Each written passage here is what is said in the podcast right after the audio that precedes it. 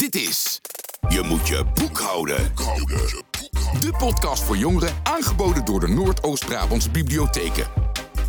Jullie host voor vandaag, Merel Kuitert.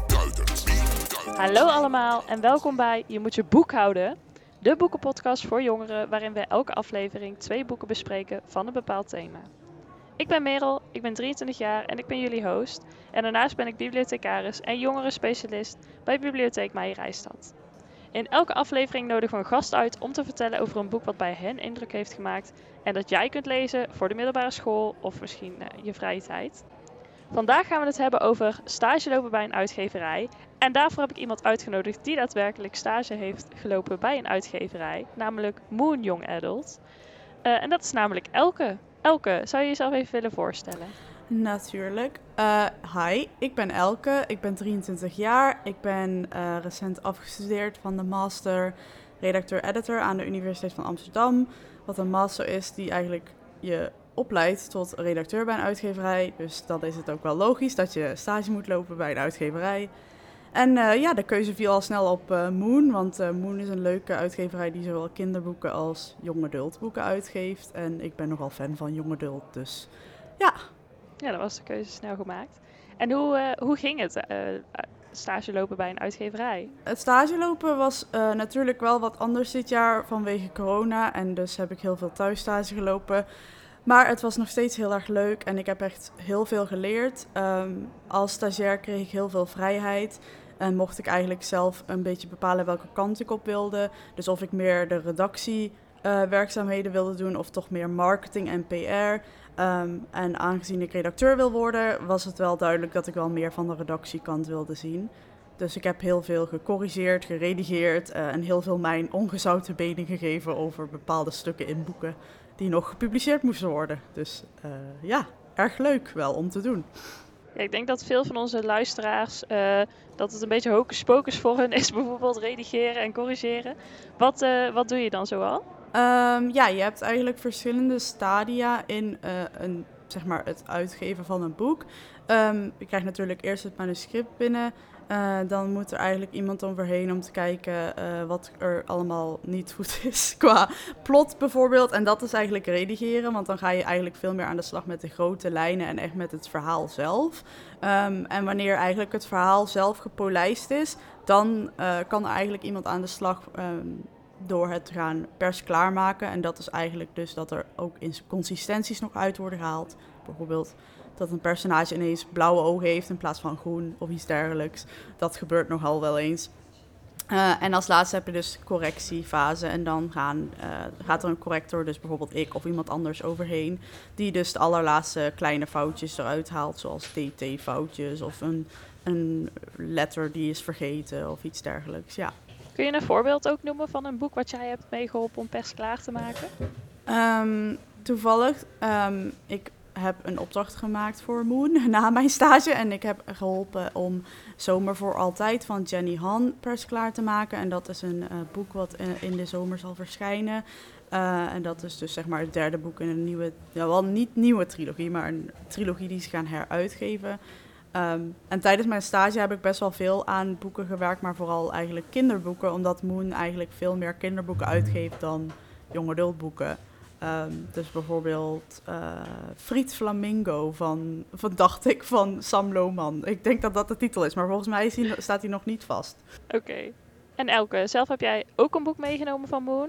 Wil je iets vertellen over het boek wat je hebt meegenomen? Natuurlijk. Um, het was een beetje moeilijk om te kiezen welk boek van Moon ik mee zou nemen. Want Moon heeft geweldige boeken. Um, uiteindelijk viel mijn keuze op een boek uh, dat ik vorig jaar heb gelezen en wat ik erg leuk vond. Um, en het is Anna K. van Jenny Lee. En uh, Anna K. gaat over. Uh, wel, het is een hervertelling van Anna Karenina van Tolstoy. En um, aangezien ik een literatuurwetenschapper ben, is dat, dat natuurlijk wel interessant. het verhaal gaat over Anna, die uh, eigenlijk tot de elite van New York behoort. Ze is heel rijk en mooi. en ze heeft al jaren een hele leuke relatie met haar vriend Alexander. Alleen, ze vindt het tegenwoordig wel een beetje saai worden. En dan duikt natuurlijk ineens de Vronsky op. En Vronsky is heel aantrekkelijk en wild en avontuurlijk. Dus ja, dan uh, weet je wel dat ze elkaar onweerstaanbaar vinden en dat gaat niet helemaal goed. En er volgt een hoop drama, seks en rock en roll en drugs en dat is allemaal heel spannend om over te lezen. Dus echt een aanrader. Ja, leuk boek heb je meegenomen, Elke. Dankjewel. En uh, Anna K. is verkrijgbaar in de fysieke bibliotheek en natuurlijk ook in de online bibliotheek als e-book. Dus mocht je hem daar willen lezen, dan uh, kan dat natuurlijk. Ja, um, ik heb het boek meegenomen De Zwendelprins van Rima Ori. Rima Ori is een uh, vriendin van Elke toevallig en ook een, uh, een auteur bij Moon. Eerder uh, kwam haar boek het De Zwendelprins uit en in dit najaar komt ook haar boek In het Vervloekte Hart uit. En dat is een iets donkerdere fantasy. maar ze zal er zo meteen nog iets meer over vertellen. We gaan namelijk nou luisteren naar een stukje van Rima Ori over het uitgeefproces van haar nieuwe boek. Hoi, mijn naam is Rima Ori en ik ben de auteur van De Zwendelprins en In het Vervloekte Hart. De Zwendelprins is mijn uh, debuut, een YA fantasy, warm en sprookjesachtig. En In het Vervloekte Hart is mijn uh, tweede boek dat dit najaar uitkomt. Uh, het is ook een stuk meer duister dan De Zwendelprins. Ik noem het vaak mijn horror fantasy. En ik zal jullie even meenemen in het uitgeefproces van In het Vervloekte Hart. Uh, in het Vervloekte Hart is, zoals ik al eerder zei, mijn tweede boek. Dus ik kende mijn uitgever al. Uh, ik kende de re redacteurs al. Uh, dat betekent ook dat het wat makkelijker is om contact op te nemen. Je hebt een e-mailadres, ze openen sneller je mailtje natuurlijk. Maar dat betekent niet dat als je een verhaal of een idee stuurt, dat het daadwerkelijk wordt uitgegeven. Zelfs als uitgegeven auteur worden nog manuscripten van je afgewezen. Uh, en je kan een volledig manuscript aanleveren of je kan een paar hoofdstukken en een outline aanleveren. Ik heb dat tweede gedaan. Ik had van In het Vervloekte Hart drie hoofdstukken en een outline. En op basis daarvan heb ik een contract gekregen en moest ik het verhaal afschrijven. Dus dat was mijn ronde 1. In december 2020 heb ik het afgeschreven. Maar er zaten nog veel uh, mankementen aan. Dus had ik tegen mijn uitgever gezegd: ik ga het herschrijven met proeflezers. En dat heb ik ook gedaan. Um, daar ben ik nog mee in de afrondingsfase zelfs. Dus dat was mijn ronde 2. En daarna volgen de redactierondes. Ik heb al op de helft van mijn verhaal uh, redactie ontvangen. En nou ja, in, in de eerste redactieronde ga je meer naar de grote lijnen kijken. Dus uh, karakterontwikkeling, rolebuilding, spanningsboog, plotgaten, noem het maar op. Het moet in grote lijnen allemaal kloppen. En in de verdere redactierondes ga je steeds meer op de details zitten. En het ligt maar aan het verhaal, uh, de complexiteit daarvan, of, aan het auteur, uh, of aan meerdere factoren hoeveel redactierondes je daarin nodig hebt. Um, bij de Zwendelprins waren het er drie. Ik ben benieuwd hoeveel er bij in het vervloekte hart uh, zullen plaatsvinden. Maar uh, nou ja, daar ga je dan doorheen. Het is dus herschrijven, herschrijven, herschrijven, totdat je het wel kan dromen. En in de laatste redactieronde dan kijk je nog naar taal en spelling. Daarvoor ook wel hoor, maar daar, de laatste redactieronde is daar puur voor. En dan wordt het gezet, dus dan krijg je het als e-bookvorm voor je te zien. En dan kijk je nog naar de laatste fouten. En dan wordt het een maand voordat het boek uitgegeven wordt. Uh, nee, sorry, voordat het in de winkels ligt, wordt het naar de drukker gestuurd. En dan kan je het eindelijk na een maand in je handen houden. En dan, het mooiste, volgt het hele proces weer opnieuw. Bij elk boek weer. nou, superleuk. Dankjewel Rima als je dit later terug hoort. Uh, ik heb jouw eigen jouw boek uh, De Zwendelprins bij. En De Zwendelprins uh, is in de fysieke bibliotheek beschikbaar, maar ook als e-book in de online bibliotheek. En het gaat over de 17-jarige Simran. En Simran die woont in een, ja, in een nepplaats natuurlijk, omdat het een fantasy is, maar het is eigenlijk gebaseerd op, een, op India. Uh, en Simran is een keukenhulpje en die is op de hoogte van uh, ja, alle roddels in het paleis eigenlijk, omdat ze dus keukenhulpje is. Maar de grootste roddel slash mythe is eigenlijk wel dat de kroonprins al jaren vermist is. En op een gegeven moment, tien jaar dus na de verdwijning van de kroonprins, uh, verschijnt er een prins uit het noorden zogenaamd. en die belooft om de kroonprins terug te vinden. En zij wordt op de een of andere manier gaat zij mee. Dat is eigenlijk een, een- ja, nog iets wat je moet uitzoeken waarom zij meegaat. Eh, en het wordt één groot avontuur. Dus dat is eigenlijk waar de Zwendelprins over gaat. En ik raad je zeker aan om te gaan lezen, want hij is hartstikke spannend en heel erg leuk. Ehm, elke, zoals elke aflevering van de podcast, hebben we voor jou de dit of dat vragen. Eh, wat betekent dat jij moet kiezen tussen twee dilemma's. En dat moet eigenlijk zo snel mogelijk. Dus ehm, ben je er klaar voor? Eh, ik denk het. De dit of dat vraag. Lezen in bed of in bad? Eh, in bed.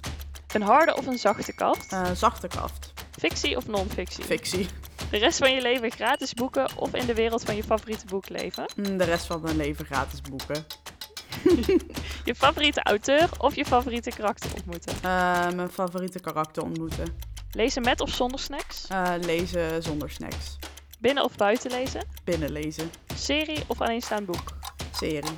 Oké, dat waren de dit of dat vragen. Kei snel eh, beantwoord Ja. elke. Ik weet wat ik Wat wil. ik wel grappig vond, eh, is dat jij zei: Ik heb liever een zachte kaft. Terwijl ik, ik ken jou en jij bent best wel iemand die heel erg zuinig is op haar boeken. Waarom kies je dan toch voor een zachte kaft? Eh, ik vind dit altijd een heel moeilijk dilemma, maar ik kies altijd voor de zachte kaft, omdat ik eh, paperbacks persoonlijk veel fijner vind lezen dan hardcovers. Eh, ondanks dat je bij paperbacks natuurlijk veel sneller de rug breekt als je leest. Ehm, hardcovers vind ik dat zij, ja, houdt ze iets minder fijn vast op de een of andere manier dan paperbacks. Dus daarom ben ik wel fan van paperbacks. Ja. ja, dat is ook wel logisch.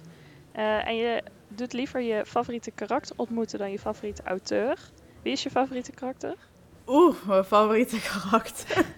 ik heb heel veel favoriete karakters eigenlijk. Eh, maar als ik één iemand zou moeten kiezen, dan zou het denk ik ehm, Rosemary Hathaway zijn uit Vampire Academy. Want dat is mijn all-time favorite eh young adult boek.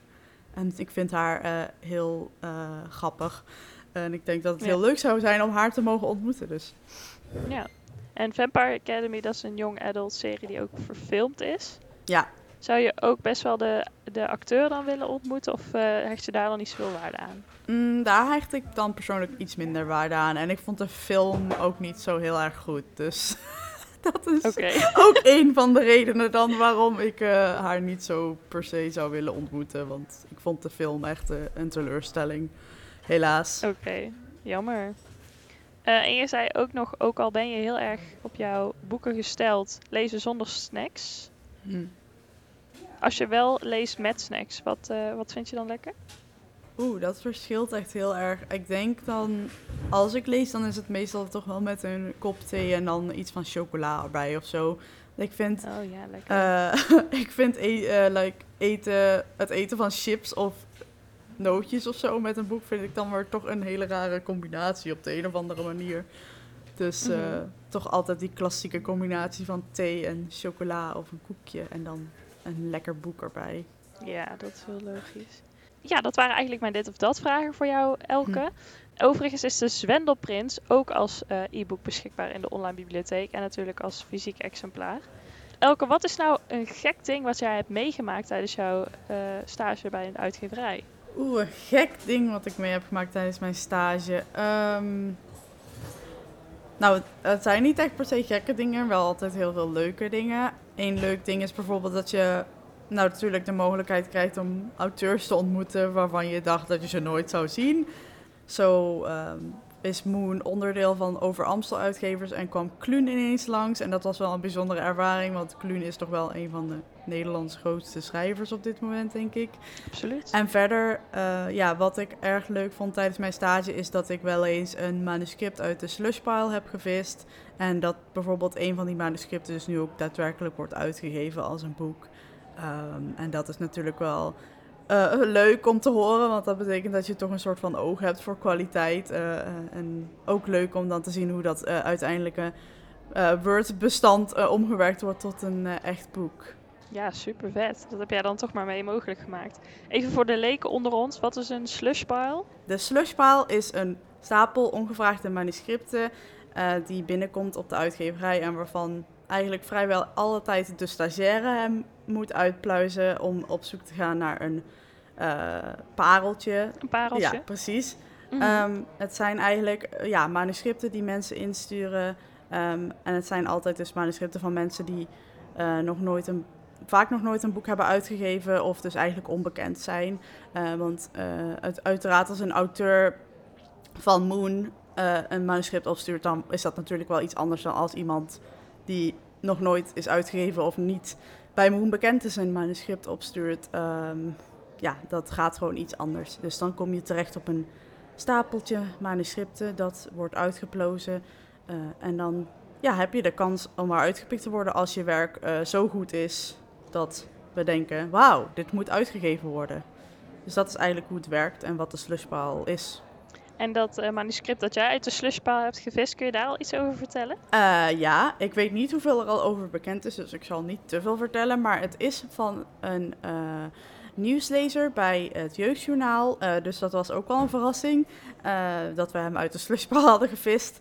Ehm, en het is een kinderboek ehm, voor hele jonge kinderen. En het zijn, ja, het zijn eigenlijk eh, versjes over allerlei soorten grappige monsters. Ehm, en het was heel erg grappig om te lezen. Dus ik, het sprak me meteen aan en ik gaf het meteen door aan ehm, de uitgever. En toen dacht ik, dit is echt een goed, eh, goed boek. Dus ehm, hopelijk gaat het uitgeven. En nu blijkt dus dat ze dat wilde. Dus erg leuk. Nou, klinkt superleuk inderdaad. Elke, ik wil jou heel erg bedanken voor jouw tijd en jouw moeite om hier in de podcast eh, aanwezig te zijn. En jouw interessante verhalen over eh, stage lopen bij een uitgeverij. Eh, want we komen alweer aan het einde van de aflevering. Ik wil ook de luisteraars bedanken voor het luisteren natuurlijk. En de volgende keer zijn we er gewoon weer met een nieuwe gast en een nieuw thema. Mocht je nou niks te doen hebben in de tussentijd, pak dan een lekker boek erbij en vertel ons wat je graag leest. Of las op, bijvoorbeeld op de middelbare school. En dan zien we jou de volgende keer weer bij Je moet je boek houden. Dit was Je moet je boek houden. Luister over twee weken naar een nieuwe aflevering via jouw favoriete streamingsdienst. Ga ondertussen delen, liken, stuur ons berichtjes met je vragen of opmerkingen, maar ga vooral lezen. Maar lezen.